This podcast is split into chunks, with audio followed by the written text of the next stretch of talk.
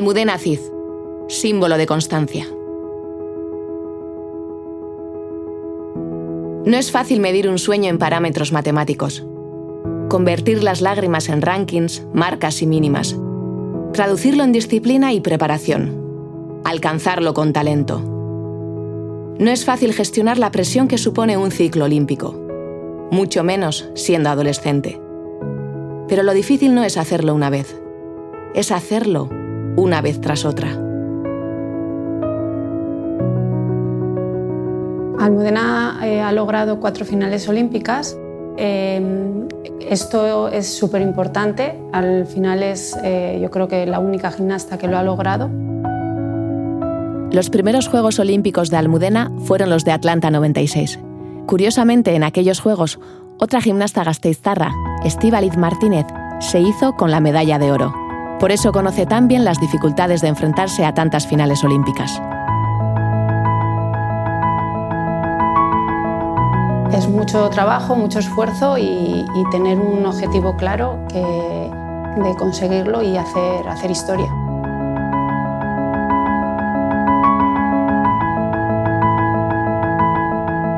Y luego es que es el trabajo, o sea, no es solo eh, que ha conseguido títulos o, que ha estado en cuatro finales olímpicas, eh, ha seguido trabajando para el mundo de la gimnasia. Almudena Cid nació en Gasteiz un 15 de junio de 1980. Dieciséis años después, competiría su primera final olímpica en Atlanta, a 6.917 kilómetros de casa. Era la gimnasta más joven de la competición. Niñas que no habían nacido cuando, cuando ella empezó a hacer gimnasia la conocen. La conocen porque sigue vinculada eh, en el mundo de la gimnasia, no para, ¿no? Sí, sí, está haciendo eh, muchas, eh, muchas cosas por, por, la gimnasia. Entonces, generaciones de gimnastas muy pequeñas la conocen y la admiran por todo el trabajo, no por sus resultados, sino por todo el trabajo que, que, está, que sigue haciendo. Antes de llegar a ser una gimnasta admirada por muchas niñas, Almudena fue una niña que no entendía su talento. Mi ama cuando me hacía la coleta me decía, bueno, sujétame el cepillo.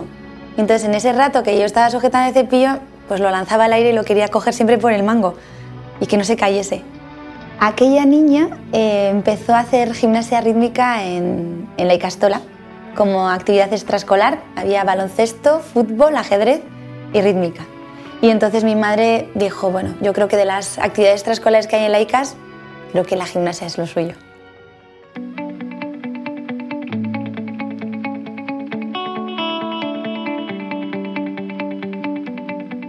Yo no me, no me di cuenta de que tenía cualidades para este deporte hasta los 11, 12 años, porque al principio simplemente jugábamos. Si me dice que levantes la pierna, entonces yo sí que es verdad que la levantaba y claro, como la levantaba más que todos, o todas en este caso en la castola, eh, decía, ostras, esto es raro, o sea, esto lo hago diferente. entonces en vez de verlo como una virtud, lo que veía es que hacía algo diferente y raro. No, no encontré ese talento, esa virtud en mí como algo positivo.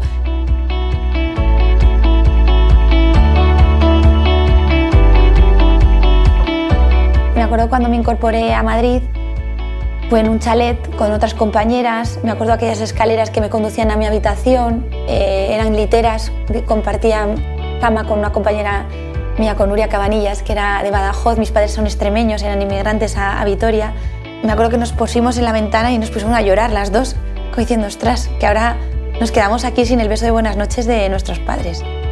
Y aquello me, yo me lo recuerdo como un momento muy triste, porque de repente era ver al coche de tus aitas ¿no? irse por la ventana y decir, ostras, que a partir de ahora tengo que hacer bien las cosas.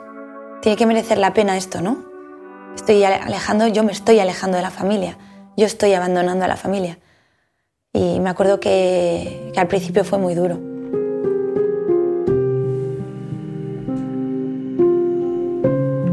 Hay algo que pasa que cuando tú llegas a un equipo nacional normalizas muchas cosas que ocurren porque nadie te cuenta que está siendo un sacrificio para ti y que es un esfuerzo, que son cosas diferentes. Entonces cuando tú llegas ves lo que hacen las mayores y entonces para sentirte aceptada dentro de ese grupo haces lo que hacen las mayores. Y entonces estás adquiriendo también unos hábitos o unas formas de ver cómo tienes que convivir tú de, en, en ese nuevo contexto, en ese nuevo entorno, como algo normal. Y luego te das cuenta con los años que no.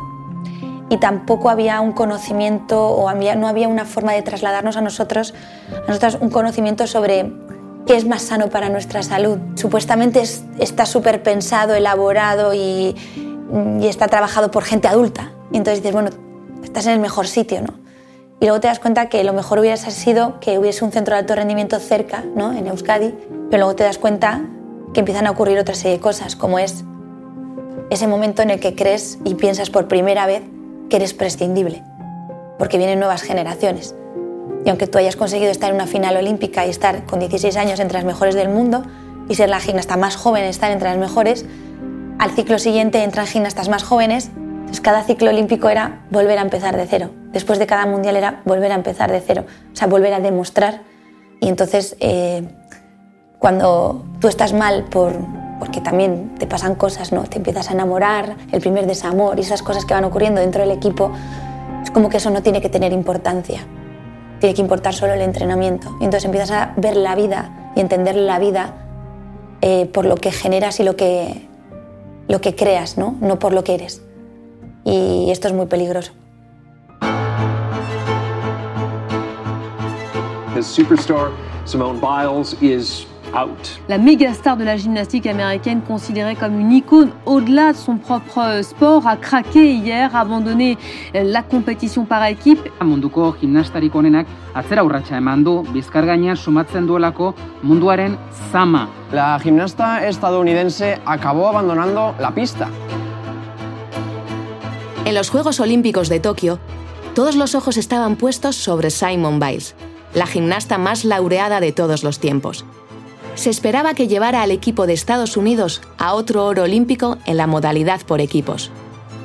Pero el 27 de julio, minutos antes de la competición, Biles se sentó en el banquillo. Tuvo una conversación seria con su entrenador y abandonó el tapiz.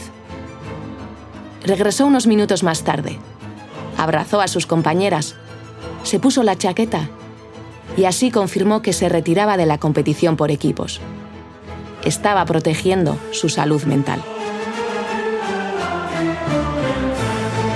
Lo que vimos en los Juegos Olímpicos de Tokio con Simon Biles, yo creo que fue un reflejo de la sociedad. O sea, lo que vemos en cada ciclo olímpico o en cada momento social eh, marca también lo que está ocurriendo en la sociedad.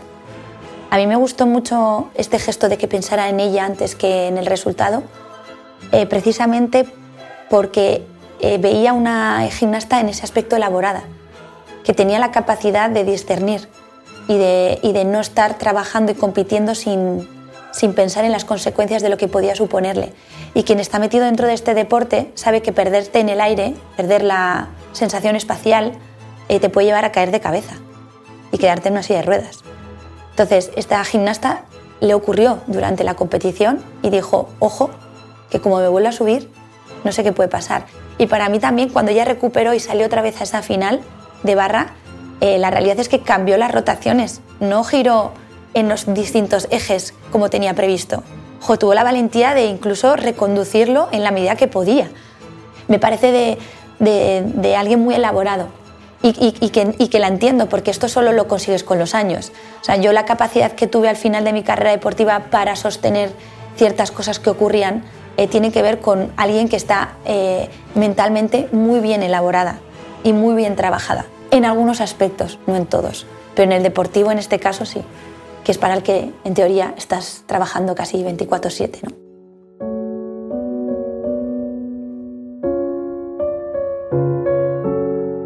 Yo desde el año 2000 tenía la retirada muy presente, pero porque los demás me retiraban. Y es que era horrible, porque digo, ¿pero por qué?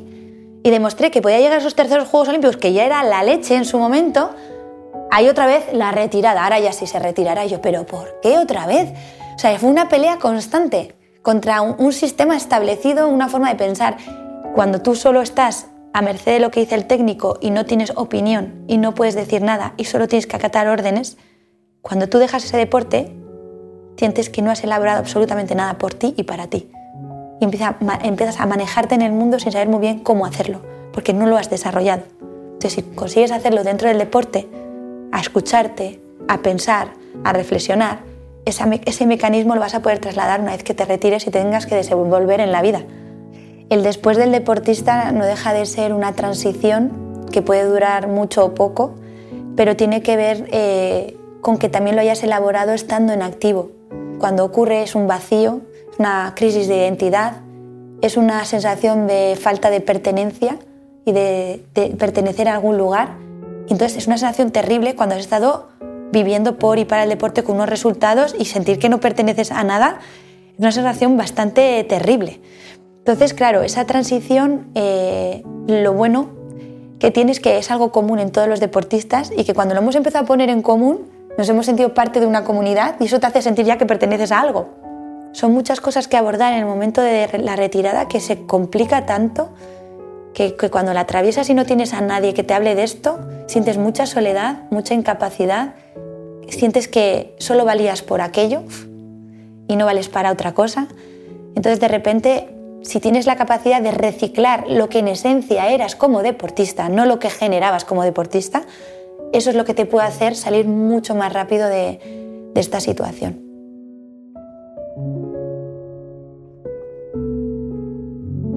Nació la oveja Dolly. El teatro La Fenice di Venezia fue consumido por el fuego. La famosa consola de videojuegos Nintendo 64 llegó a nuestras manos. Terminó el reinado de Indurain y por primera vez, la modalidad de conjuntos de gimnasia rítmica hizo su aparición en el calendario olímpico. Eran los Juegos Olímpicos de Atlanta, y el primer título olímpico en esta modalidad fue para las niñas de oro.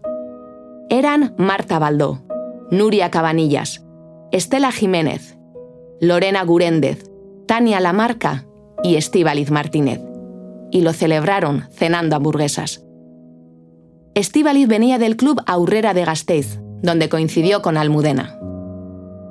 Conozco a Almudena hace, eh, desde los 10 años y fue bonito porque mm, toda la preparación desde los 10 años hasta los 14 años fue en el club y las dos fuimos a Madrid eh, a la vez. Entonces eh, no íbamos solas y yo creo que eso pues, también nos ayudó para, para tomar una decisión y, estar más a gusto también en, Madrid, que al final dejas todo, dejas familia, amigos, eh, tus compañeras de gimnasia y todo, y, vas a Madrid sí, con 14 años, un poco a la aventura. Cuando la llamaban la abuela de la rítmica, habría gente que quería que se retirara ya, pero cuando, cuando pasa el tiempo y, ves que sí que tenía algo, o sea, eh, tenía algo especial, eh, al verla actuar y luego algo especial por, su perseverancia, por su trabajo, por su dedicación. Y entonces al final esas personas yo creo que son las que, llegan a, conseguir algo importante en su vida. Antes eh, no había gimnastas, no había esa referencia de gimnastas más mayores que seguían compitiendo. Entonces, cuando a uno le cambia el cuerpo, cuando ya empieza a ser más adolescente, pues no te ves tan bien o eh, siempre la gimnasia era para gimnastas delgadas eh, y eso llega un momento en que te retirabas. Si es un deporte que te gusta, ¿por qué con 14, 15 años tienes que dejarlo? Al final es un deporte y lo puedes hacer hasta, pues esto, hasta que ya te canses, hasta que quieras hacer otra cosa, pero no porque haya una fecha, una edad determinada y diga, no, ya es que soy mayor para hacer eh, gimnasia. No, pues yo creo que eso ha cambiado y, y, mucho habrá sido por, gracias a Almudena. ¿Y por qué cuando tenemos y adquirimos esta maestría y esta destreza te obligan a dejarlo? ¿O te dicen, no, te ha cambiado el cuerpo, estás gorda? Eh, no, estoy convirtiéndome en mujer, eh, me crece el pecho como a toda mujer, eh, tengo un cambio hormonal, me inflo como toda mujer. O sea, mi madre lo ha, atravesado, mi tío lo había atravesado, digo, esto es normal, esto es un cambio hormonal pero no tiene por qué ser algo negativo, ¿no? Entonces es verdad que te cambia el eje, porque tus saltos son más pesados, hasta que vuelves a adquirir la fuerza para que tus, pasos, tus saltos tengan una recepción más ligera, pues lleva un tiempo, o sea, lleva una adaptación. Y mis mejores gimnastas, mis gimnastas referentes se retiraban. Digo, pero ¿qué está pasando? Y es un cambio de mentalidad. Y luego, ¿qué ha pasado? Que muchos técnicos, sobre todo técnicos más del este, te ponían de ejemplo. Decir, joder, mira, mirad cómo Almudena aguanta. Yo, claro, pero aguanta también porque tengo unos técnicos que entienden lo que me está pasando. Igual no el sistema, igual no la federación, pero sí mi entrenadora, que es lo importante, tu núcleo, ¿no? Donde tu trabajo. Y esto ha hecho que ahora mismo pues tengamos otro panorama a nivel internacional. Vemos unos juegos y vemos otra situación. Vemos gimnastas súper jóvenes, con gimnastas súper adultas, mucha más diversidad, ¿no? Y vemos otros estilos. Las niñas de oro de Atlanta 96 tenían entre 15 y 17 años. En los últimos Juegos Olímpicos, en Tokio, Bulgaria ganó el oro en la modalidad de grupo, con un equipo formado de mujeres entre 21 y 27 años. yo lo que he notado es que muchas gimnastas internacionales que compitieron igual en el último ciclo, que luego quisieron seguir, vieron la dificultad que supone seguir y cuando dijeron y pensaron, ostras, que no siguió una vez más, no, siguió otra, no, es que siguió otra. Entonces es cuando ellas ponen en contexto y dicen, ostras, que 16 años con dolores no los aguanta cualquiera, porque todos los días duele algo. Todos los días, no es uno, dos, tres, así hasta otros cuatro años, ¿no? Entonces, quien lo ha vivido lo puede valorar, pero quien no lo ha sentido es muy complicado. No es cuestión de empatía, es cuestión de, de que tú lo hayas sentido en tus carnes, ¿no? Tercera Olimpiada y tercera final para Almudena Cid, que creo que debe estar más contenta que unas Pascuas. Eh, Almudena. Hola, estoy muy contenta. Bueno,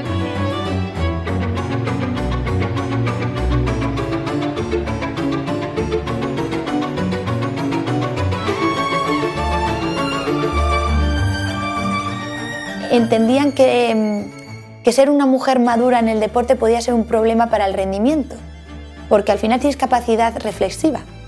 Y entonces tienes capacidad de cuestionar a la autoridad, como cuestionas a los padres. Y entonces eso no gusta, porque entonces ya no vas a hacer lo que yo te pido, vas a hacer lo que tú también quieres. Entonces, ¿qué es la adolescencia? O sea, tenemos que pasar pues adolescencia. Entonces, para las entrenadoras y entrenadores es muy incómodo sostener la adolescencia porque de alguna forma es la etapa más rebelde.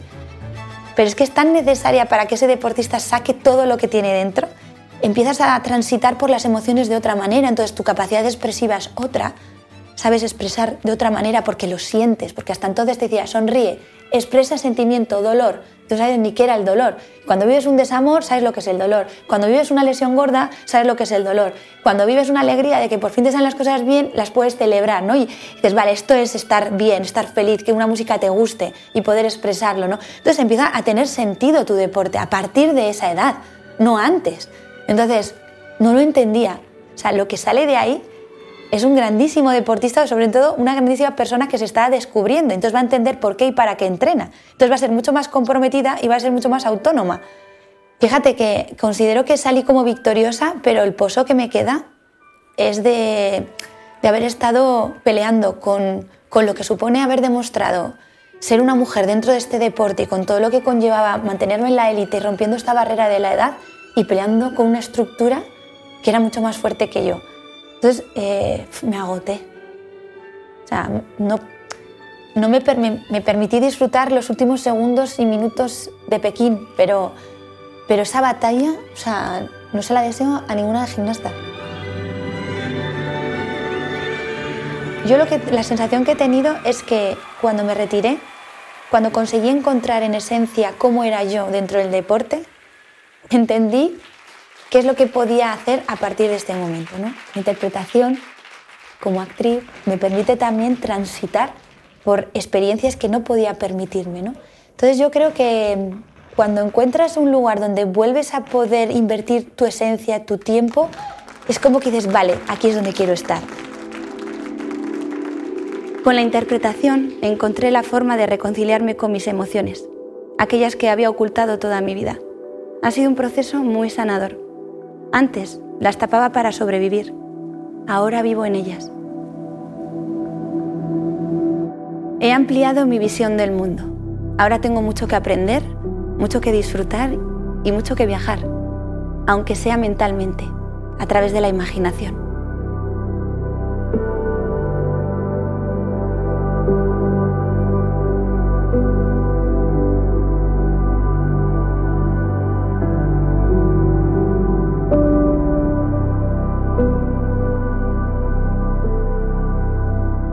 Financiada por la Unión Europea Next Generation, Plan de Recuperación, Gobierno de España. Imparables. La meta es solo el principio. Dirección Íñigo Asensio. Producción ejecutiva Elena Echevarrieta. Guión y montaje Goyuri Ezeiza. Postproducción de sonido Noise Studio A. Locución Ollana Maritorena. Una producción de Corima Films para la Fundación Basque Team.